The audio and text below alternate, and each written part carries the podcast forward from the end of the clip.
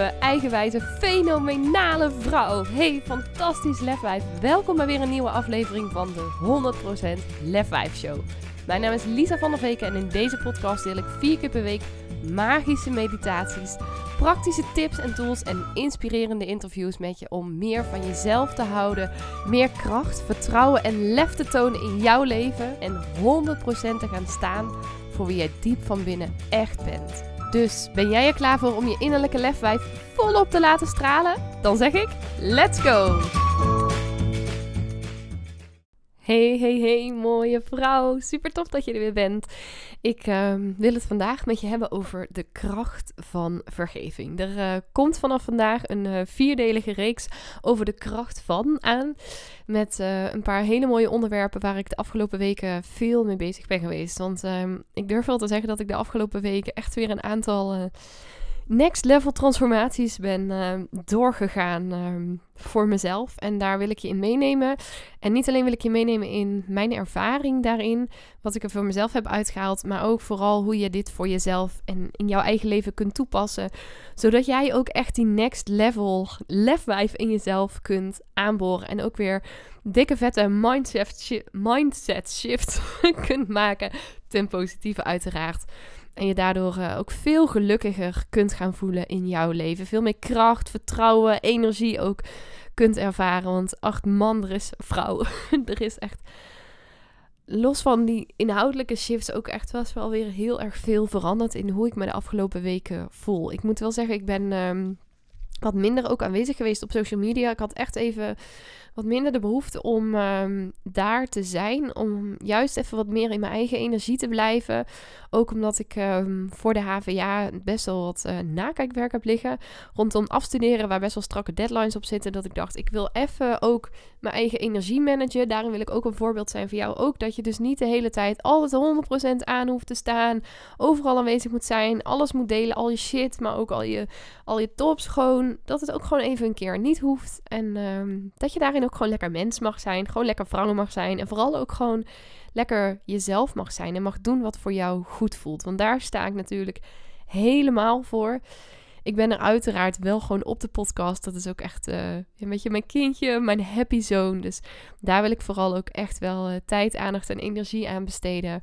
Maar uh, de socials lagen er dus eventjes wat minder in. Maar wat ik dus ook echt merk is, los van dat ik daar dus ook heel bewust keuzes in maak in wat doe ik wel en wat doe ik niet, maar dat ik me ook in de basis echt heel veel gelukkiger voel. En ik voelde me al echt best wel heel erg goed. En het is alleen maar beter geworden. En ik geloof dat het ook alleen nog maar beter kan worden. En ik moet wel zeggen, sinds uh, het experiment van Pockets Full met Joy in februari, wat ik toen natuurlijk uh, gestart ben, elke dag ook heb gedeeld op Instagram, wat ook de opdracht was waar ik mee aan de slag ben gegaan, waarvan ik achteraf ook dacht, ik had eigenlijk nog veel meer met je willen delen over mijn eigen reis daarin. Ik heb natuurlijk wel deels gedaan op de podcast, maar daarbij dacht ik ook, het is wat het is. Maar sindsdien ben ik veel meer ook gaan oefenen met gewoon gelukkig zijn en me gewoon gelukkig voelen ongeacht wat de omstandigheden zijn, ongeacht of er dus heel veel op mijn bordje ligt of dat ik het gewoon even wat rustiger aan heb, om ook gewoon echt het beste te halen uit mezelf en uit elke dag opnieuw. Ik heb gisteren Cynthia Peek mogen interviewen. En um, die naam zegt je waarschijnlijk helemaal niks. Is verder ook niet bekend. En dat vond ik juist ook wel heel mooi aan haar. En ik heb haar ontmoet met de uh, NLP-opleiding die ik vorig jaar heb gedaan. En zij gaat ook een bijdrage leveren op het Lefwijf event. En hoe en wat dat precies is, dat hoor je ook in de podcast die um, ongeveer zo'n anderhalve week voor het event ook uitkomt. Dus het blijft nog even een beetje geheim. Maar zij is voor mij echt zeg maar de woman next door met echt een fucking fantastisch verhaal. Ze heeft uh, best wel een intens ongeluk gehad en daarna ook een lange herstelperiode. En daar dus echt vanuit het hele herstelproces ook daarin zo'n dikke vette mindset shift gemaakt. Dat zij ook letterlijk gisteren in dat interview zei.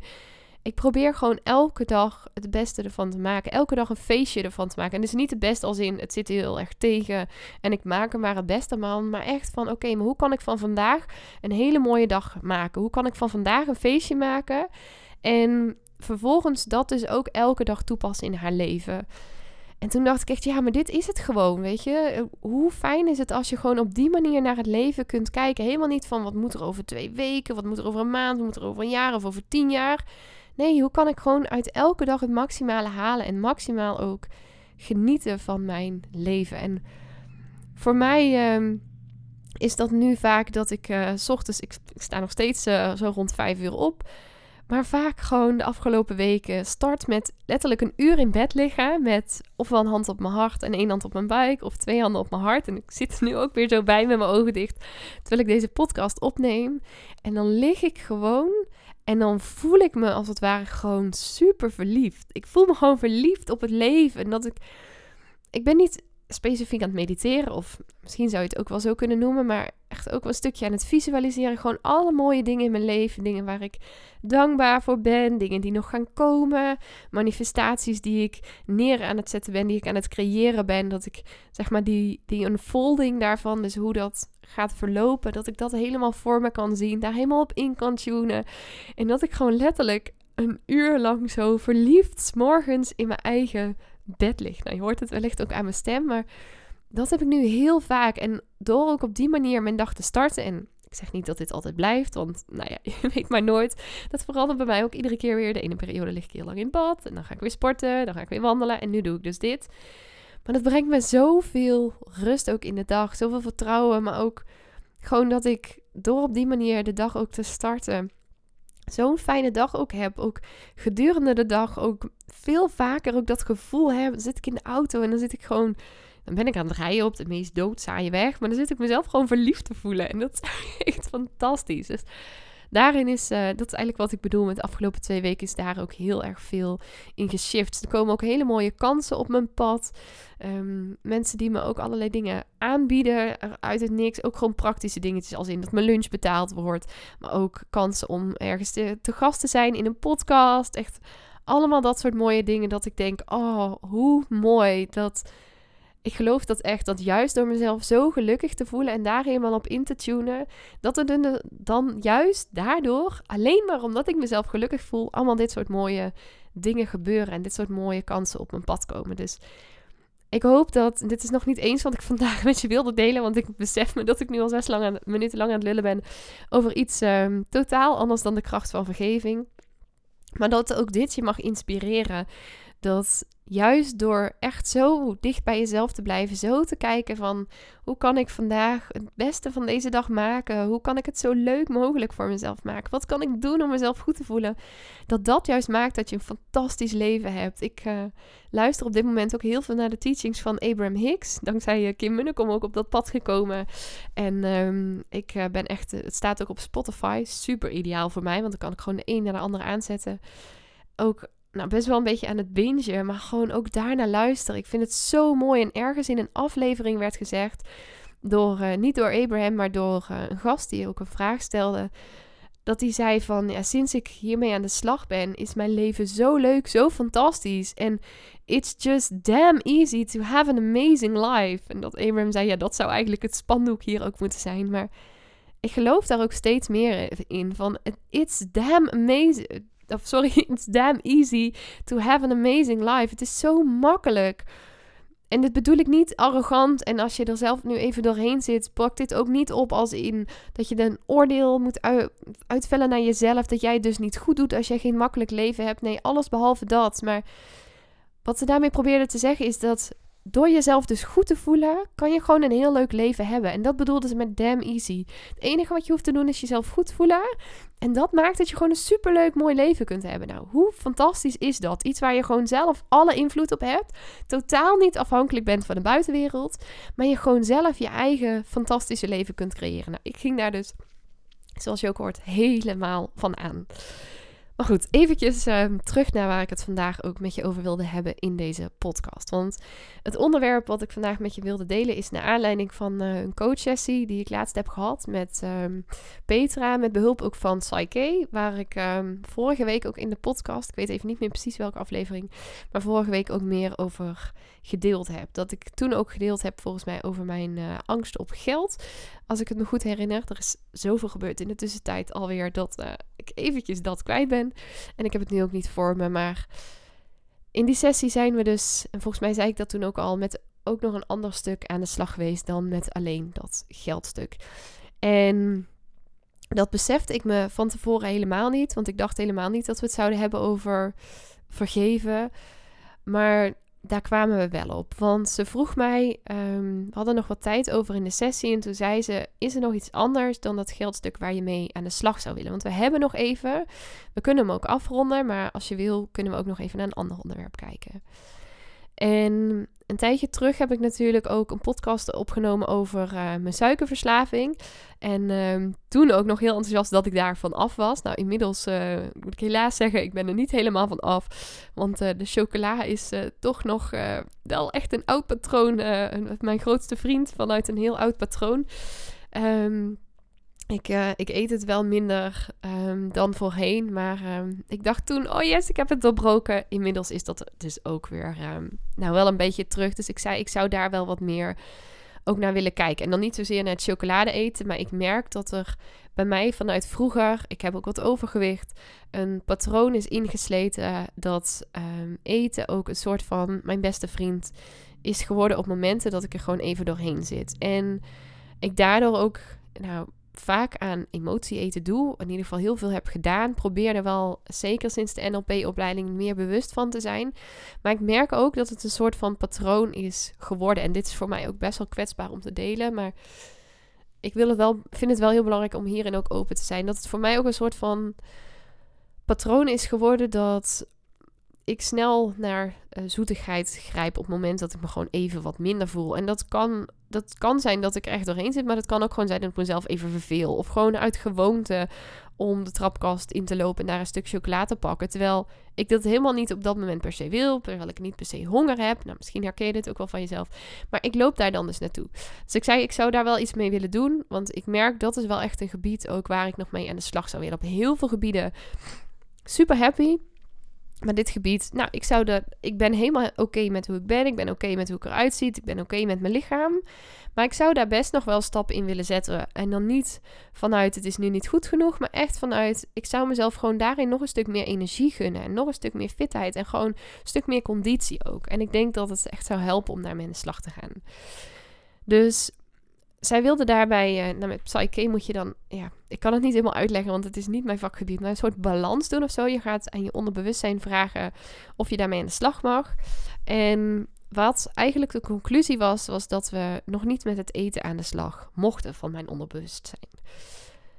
En toen um, viel ik even stil en toen dacht ik, oké. Um, ze wilde echt kijken naar dat eetpatroon. Ze zei, ja, er zit dus nog iets voor. En wat ze uitlegde, vond ik wel een hele mooie metafoor, is als je een soort rivier hebt, uh, of een soort rivier, stel je eens een rivier voor, waarin allemaal stenen liggen.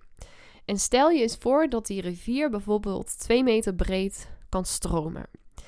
Maar doordat er heel veel stenen in de rivier liggen, zowel kleine steentjes als grotere stenen als hele keien, kan het water niet door die 2 meter breedte volledig heen stromen. Kan het misschien op sommige plekken anderhalve meter breed stromen. Op sommige plekken is er misschien maar 10 centimeter ruimte om doorheen te stromen door alle keien die erin liggen. Op sommige plekken kan het wel 2 meter breed stromen. Maar wat de bedoeling is, is om te kijken naar waar het water dus als het ware heel smal stroomt. Waar je dus van je onbewustzijn bijvoorbeeld niet achter mag komen. En om daar wat stenen weg te gaan halen, zodat er meer kan gaan stromen en dat er letterlijk meer ruimte komt om ook met andere dingen aan de slag te gaan. En nog even, want ik merk dat ik de metafoor niet helemaal goed uitleg. Die keien die staan dan dus voor bepaalde overtuigingen of bepaalde patronen. En daarbij is het belangrijk dat je eerst dus zeg maar de grote keien die nog in de weg liggen, um, dat je die uit de weg ruimt, dat je die eruit haalt, zodat het water meer kan gaan stromen en je dan vervolgens ook met andere keien die erachter liggen of die er bijvoorbeeld nog onder zitten aan de slag kan gaan. En voor mij was het dus zo dat blijkbaar die keien van het eten, die lagen verstopt onder een andere grote kei. En die grote kei die moest er eerst van af, die overtuiging die moest er eerst van af, om überhaupt met dat eten aan de slag te kunnen gaan. Nou, dat laatste hebben we dus ook nog niet gedaan. We zijn nog helemaal niet met dat eetstuk aan de slag gegaan. Maar we zijn gaan kijken, oké, maar wat is dan die grote kei? Wat is dan die overtuiging die daar nog boven zit? En toen vroeg ze mij ook, wanneer is dat ontstaan ook van dat eten? En toen um, vertelde ik haar ook dat ik uh, in de NLP-opleiding onder meer erachter was gekomen Ehm, dat voor mij ook dat eten echt eh, een soort beste vriend is geworden. Een manier om troost te zoeken. En toen zei ze, waar had je dan troost ook voor nodig? En ik heb dit volgens mij ook al wel vaker gedeeld. En misschien ook niet, ik weet het even niet. Maar ik ben vroeger best wel uh, heftig gepest, ook op de basisschool. Of althans, als ik sommige verhalen hoor van hoe mensen gepest zijn, dan denk ik, het viel bij mij allemaal wel wat mee. Maar in mijn beleving was het destijds echt wel heel erg heftig, was het heel erg intens. Een van de grapjes die heel vaak gemaakt werd was: Wat is Lisa op een fiets? En het antwoord was dan een snorfiets. En dat had ermee te maken dat ik uh, vrij donkere beharing had op mijn armen. Uh, en ook of op mijn ar ook onder, um, uh, onder mijn neus, op mijn bovenlip had ik vrij donkere beharing. Iets waar ik toen ik heel klein was echt heel trots op was. Dat ik zei, oh mama, ik heb meer haren dan papa. Of tenminste, dat heb ik al gehoord van mijn moeder. Um, maar waar ik later dus ook best wel mee gepest ben. En nou was dat natuurlijk niet hetgene waarom ik gepest ben. Want ik was gewoon super onzeker toen al. En dit was gewoon een middel, zeg maar, om mij te pakken. Maar in mijn hoofd is dat zinnetje... Um, mij heel erg bijgebleven, ook vanuit die periode. En nu kan ik het zo vertellen. In de NLP ben ik er ook mee in de slag geweest. Want dat was voor mij... Ik kon dat zinnetje niet eens mijn strot uitkrijgen zo'n nare trigger ook terug naar die tijd, in de laatste jaren van de basisschool. Maar als ik terugdenk aan wanneer dat patroon van het eten is begonnen, um, zei ik tegen Petra, dan is het denk ik rond die tijd geweest. Precies weet ik het niet, maar ik denk rond die tijd. Toen had ik die, die troost, die steun ook echt nodig. Want ook als ik foto's terugkijk van vroeger, voor die tijd was ik altijd vrij slank. Nou is het wel zo dat rond die tijd ben ik ook vrij hevig gaan menstrueren. Maar goed, dat is weer een onderwerp voor een... Nou, ik weet niet of het ooit aan bod komt, maar anders wellicht een andere keer. Um, waardoor ik ook veel klachten had, veel verschillende pillen heb gebruikt. De pil, niet pillen, de pil. Verschillende soorten heb gebruikt. En ook elke keer weer meer aankwam bij het gebruik van een nieuwe pil. Maar dan zat ook wel dat stukje troost eten bij. Maar toen is dat ontstaan. En wat ze toen zei is: wie, wie hebben jou toen bijvoorbeeld gepest? Dus ik nou we deelden daar wat over, deelden wat namen. Die wil ik graag anoniem houden. Um, en toen vroeg ze aan hun, of toen vroeg ze aan mij: heb je hun vergeven? En toen werd ik, net als nu ook, even stil. En deed ik ook echt even mijn ogen dicht om te voelen van oké, heb ik hun vergeven? En het antwoord wat al vrij snel in mij naar boven kwam was: ja, ik heb hun vergeven, maar ik heb mezelf niet vergeven. En toen zei ze: hoezo? Dus ik weet niet meer precies of dat de woorden waren, maar zo kwam het in ieder geval over. Ze vroeg me van, hoezo, wat bedoel je? Dat je jezelf nog niet vergeven hebt. Dat ik zei, en toen begon ik ook heel erg te huilen. Alleen al toen we dat bespraken, dat ik zei, volgens mij heb ik mezelf niet vergeven. Dat ogenblikje, want er wordt hier aangebeld. Dus ik moet hem even pauzeren en kom zo weer bij je terug. Oké, yes, daar ben ik weer. Was, uh, ik dacht dat er uh, wordt een pakketje bezorgd, maar uh, het was een verkoper voor internet, geloof ik. Sorry voordat ik een beetje buiten adem klink. We hebben een huis met drie verdiepingen, ik zit helemaal boven. En ik ben vrij hard de trap opgerend. Misschien had ik nog even moeten wachten. Maar ik zat zo in mijn verhaal dat ik dacht, ik wil ook meteen even doorgaan. Want waar ik het met je had, over had, was natuurlijk dat ik zei van... dat ik mezelf nog niet had vergeven voor wat er destijds gebeurd is. Of althans, in mijn ogen.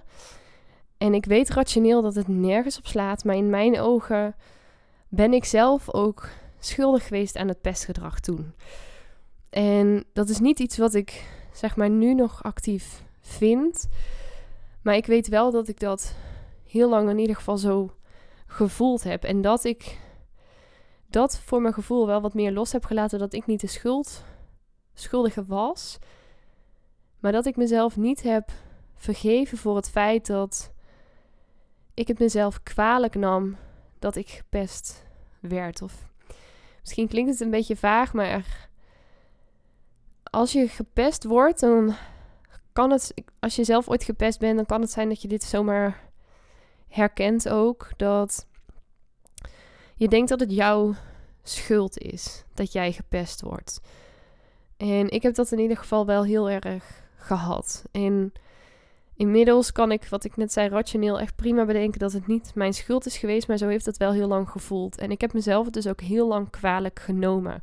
En me daarbij ook heel erg kwalijk genomen dat ik vanuit die onzekerheid dus ook dingen ben gaan doen die ik liever niet had gedaan. Bijvoorbeeld ook het eetstukje. En toen zei ze: Zou je daarmee aan de slag willen? En toen vroeg ze mij om allereerst, want dat loopt dan zo in de sessie, om allereerst te kijken naar: oké, maar wat zou je willen geloven over deze situatie? En toen kwamen we uiteindelijk bij de overtuiging: ik vergeef mezelf en anderen voor het lijden wat mij is aangedaan. Voor alle pijn die mij is aangedaan. En ze vroeg mij om die overtuiging, vol overtuiging, uit te spreken. En ik sprak het uit als een bibberend klein meisje van vijf jaar. Ik kon namelijk vorige week, twee weken terug, dus bijna niet uitspreken dat ik mezelf, oh, weet je, dat was een, dat ik mezelf vergaf voor het leed wat mij was aangedaan. Terwijl, nogmaals, ik rationeel weet dat het nergens op slaat dat ik mezelf daar niet voor kan vergeven, want ik heb dat leed praktisch gezien mezelf niet aangedaan.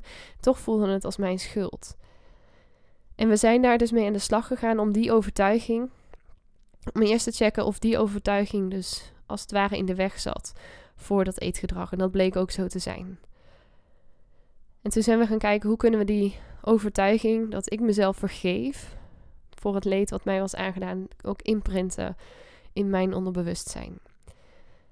En we zijn daarmee aan de slag gegaan met behulp van Psyche, met behulp van die techniek.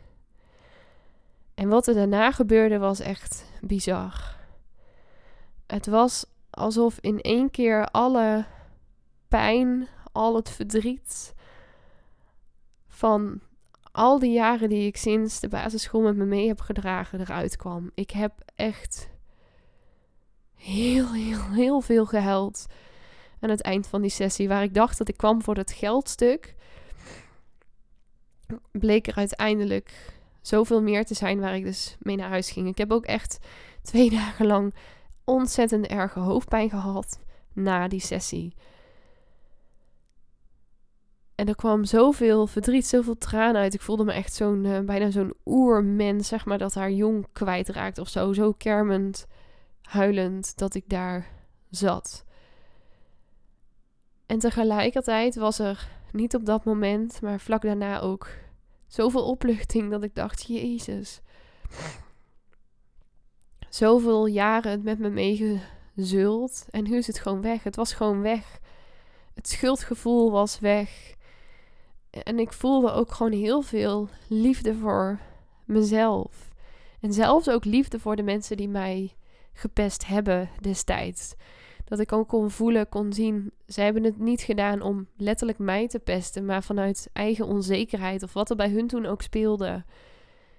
Het was niet omdat ze mij als persoon kwaad wilden doen. Het was omdat zij zelf iets hadden wat niet lekker liep. En ik ook op die manier naar mezelf, naar het kleine meisje in mij kon kijken. Dat ik dacht, jij mag er zijn, ik ben er voor je. Echt allemaal dat soort gedachten die daarna ook opkwamen. Ik heb wel echt best wel tijd nodig gehad om daarna dus ook bij te komen naar die sessie. We zijn ook even, Peter en ik, met z'n tweeën gaan wandelen. Tot ik weer een stuk rustiger was. Maar ik heb dus echt die hele dag en ook de dag daarna echt hele, hele intense hoofdpijn ook gehad ik voelde me ook echt alsof ik een marathon gerend had na dat moment. Maar het heeft me wel zo ontzettend veel rust gebracht om daarmee aan de slag te gaan. En ik moet zeggen, ik had ook vaak best wel weerstand tegen het woordje vergeving. En ik wist nooit zo goed waar die weerstand vandaan kwam, maar sindsdien snap ik het. Ik heb het in heel veel boeken ook gelezen over de kracht van vergeving en ik dacht echt, het zal wel. Ik snap rationeel dat het effectief kan werken, maar ik voelde hem absoluut niet. Ik dacht echt, wat is de meerwaarde ervan? Maar sindsdien denk ik, wauw, wat, wat een ontzettend krachtige tool is het om te kunnen vergeven. En dus vooral ook, en dat, ik hoop dat je dat ook hoort in dit verhaal, dat het ontzettend krachtig is, niet alleen om anderen te vergeven, Maar vooral ook om jezelf te vergeven. En dit kun je natuurlijk toepassen op allerlei vlakken in je leven. Voor mij was het een stuk vergeving, nu in dit geval op mijn pestverleden. Maar ditzelfde zou ik ook kunnen toepassen en ga ik ook zeker nog mee aan de slag. Op bijvoorbeeld mezelf vergeven voor mijn eigen eetgedrag. Mezelf vergeven voor mijn eigen onzekerheid die ik jarenlang heb gehad. Mezelf vergeven voor, nou, ik denk dat ik die inmiddels durf ik nu, terwijl ik erover nadenk en het uitspreek, um, al best wel aardig gedaan heb. Mezelf te vergeven voor mijn postnatale depressie. Mezelf te vergeven voor de keren dat ik heb geschreeuwd tegen mijn kind. Mezelf te vergeven voor de momenten waarop ik absoluut geen liefdevolle partner ben geweest. Mezelf te vergeven voor de momenten waarop ik me absoluut niet aan mijn eigen to-do-lijst heb gehouden. Al dat soort momenten. Hoe mooi is het om jezelf daar ook voor te kunnen vergeven? Want wat ik merkte toen, is dat er letterlijk een soort van gevoel was dat ik een hele zware rugzak met allemaal bakstenen erin die ik al jaren met me meedroeg. Toen eindelijk los kon laten. Letterlijk ballast van me af is gegleden. En hoe mooi is het als je zelf het cadeau kan doen door te vergeven, dat je ook die ballast voor jezelf los kunt laten. Want vergeven gaat, zeker zoals ik het nu ook zie en ik ook vaak gelezen heb, maar nu pas het kwartje echt valt.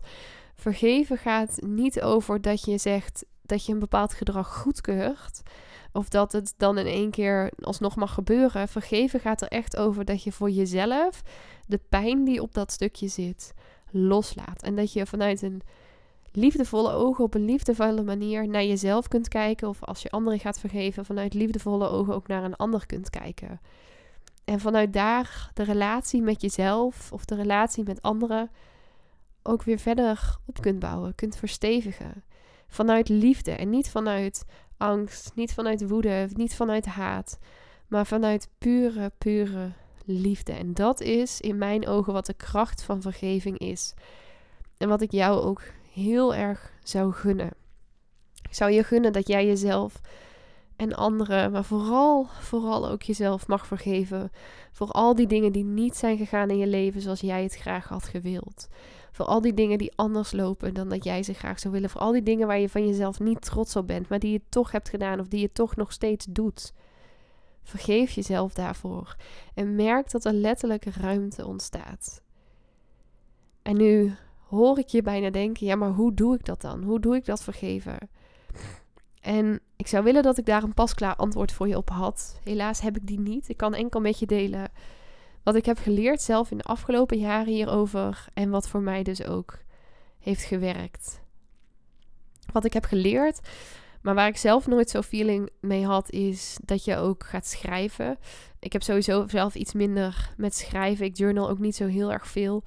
Um, omdat ik meer ben van het gesproken woord. Maar als je daar zelf wel heel veel mee hebt, schrijf ook gewoon letterlijk op. Ik vergeef mezelf. Ik vergeef mezelf voor. Nou, noem daar hetgeen waarvoor je jezelf wil vergeven. Schrijf dat bijvoorbeeld een aantal keer achter elkaar op. Of schrijf het elke dag een keertje op. Of wat je ook kunt doen is dat je bijvoorbeeld vergevingsmeditaties opzoekt. Dat is eentje die ik wel ook vaak geprobeerd heb. En ook voor kleinere dingen om mezelf te vergeven wel ook gewerkt hebben. Um, een hele mooie tool is natuurlijk ook een coach hiervoor in de arm nemen. Of gewoon überhaupt met iemand anders daarover in gesprek gaan. Dat je het ook niet alleen hoeft te doen. Dat je hierbij hulp mag vragen. Wat je ook kunt doen is letterlijk je handen op je hart of een hand op je hart en een hand op je buik leggen. En heel liefdevol tegen jezelf zeggen: Ik vergeef je. Ik vergeef je voor. En noem daarbij dan dus ook waarvoor je jezelf vergeeft. Bijvoorbeeld in mijn geval: Ik vergeef je, lieve Lisa. Ik vergeef je voor al het leed wat jou is aangedaan. Ik vergeef je voor dat je het jezelf kwalijk hebt genomen dat jij gepest bent. Ik vergeef je dat jij jezelf verwijten hebt gemaakt dat jij het niet goed genoeg deed. Nou, dit is wat er nu ik zou nog een heel, heel redeltje hier achteraan kunnen plakken, maar dit is wat er nu in mij opkomt. En dat gun ik je ook, dat jij jezelf daarvoor mag vergeven. Ik weet dat het ook superkrachtig werkt. Ik ben meer van de gesloten ogen, maar ook superkrachtig kan werken als je letterlijk voor de spiegel gaat zitten. Het is heel fijn als je zo'n hele lange spiegel hebt. Wij hebben die bij onze kledingkast. Dat je voor de spiegel kunt gaan zitten en ook in je eigen ogen kijkt. En letterlijk tegen jezelf praat en zegt, ik vergeef je. En daarbij bijvoorbeeld, zoals ik net deed, ook je eigen naam noemt. Bijvoorbeeld, lieve Lisa, ik vergeef je. Ik vergeef het je dat. En ook daarbij noem je waarvoor je jezelf dan vergeeft. Dus dat zijn een aantal middelen. Er zijn er vast nog veel meer te vinden, maar een aantal tips of manieren waarop je dat zou kunnen doen, die ik je mee wil geven in deze podcast. Ik hoop van harte dat deze podcast en de verhalen die ik hierin ook gedeeld heb vandaag met je inspirerend voor je zijn geweest. En mocht je hier nog eventjes over willen kletsen, voel je dan ook vrij om een DM te sturen op Instagram. Ik ben dus soms even wat minder actief. Weet dat ik het altijd zie en altijd vanuit liefde ook zo snel mogelijk probeer te reageren.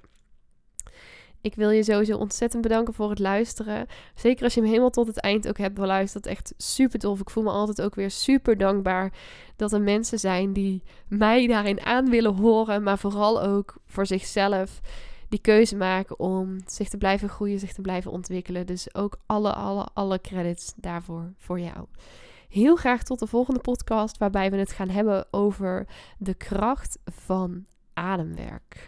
Tot dan. Doei doei. Ja, dat was hem dan alweer. En ik ben echt razend benieuwd wat je uit deze aflevering hebt gehaald voor jezelf. En ik zou het dan ook super tof vinden als je even twee minuutjes van je tijd op zou willen offeren om een review achter te laten. Ga even naar iTunes, scroll helemaal beneden en laat daar je review achter. Dat zou ik echt enorm, enorm waarderen. Mocht je nou nog vragen hebben of denken van nou, ik wil hier heel graag mee aan de slag, maar ik heb geen idee hoe je dit het beste kunt doen. Of wil je gewoon even delen wat je uit de podcast hebt gehaald? Stuur me even een berichtje of deel hem in je stories en tag me op Instagram. Je kunt me vinden via Lisa van der Veken. En ja, ik wil je natuurlijk ook echt van harte, van harte, van harte, van harte aanmoedigen om ook echt in actie te komen naar aanleiding van deze podcast. Want ja, luisteren is natuurlijk super inspirerend, maar je leven zal ook pas echt gaan veranderen op het moment dat jij stappen gaat zetten en in actie gaat komen. Dus hup, geef jezelf die schop onder de kont, doe wat jij nu nodig hebt en dan wens ik je een hele fijne dag en tot de volgende podcast.